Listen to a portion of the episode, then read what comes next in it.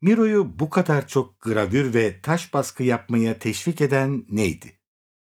Nereden ilham alıyordu? Bu soruların yanıtı kesindir. Şiir. Miro eserlerinin şiirsel varlığını şiirlerle birleştirmek istiyordu. Juan Miro'ya güzelleme aslında Juan Brossa tarafından yazılmış ve sanatçıya ithaf edilmiş bir dizi şiirdi. Brossa, 1940'larda yeni yeni ünlenmeye başlayan Katalan bir şairdi.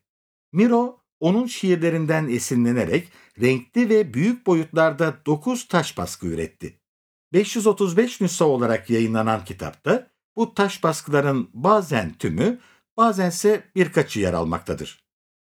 Taş baskı, metal plakayı oyma işlemi değildir. Bunun yerine sanatçı desenini kireç taşından bir levhaya çizer. Bu teknik Miro gibi fırçaya alışık sanatçılara büyük bir ifade özgürlüğü sağlar. İşte bu yüzden tüm taş baskı serilerine enerji dolu ve adeta dans eden figürler hakimdir. Burada serideki enerjik figürlerden birini görüyoruz. Kendisi gökyüzüne bakıyor.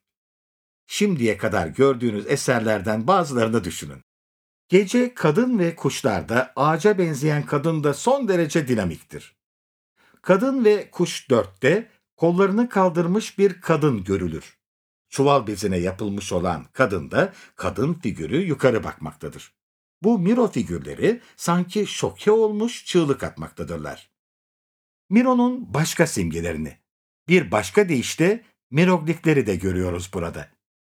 Figürün başındaki üç tel saç, basit formlu yıldız, sol altta kaçış merdiveni ve figürün kırmızıya boyanmış cinsel organı.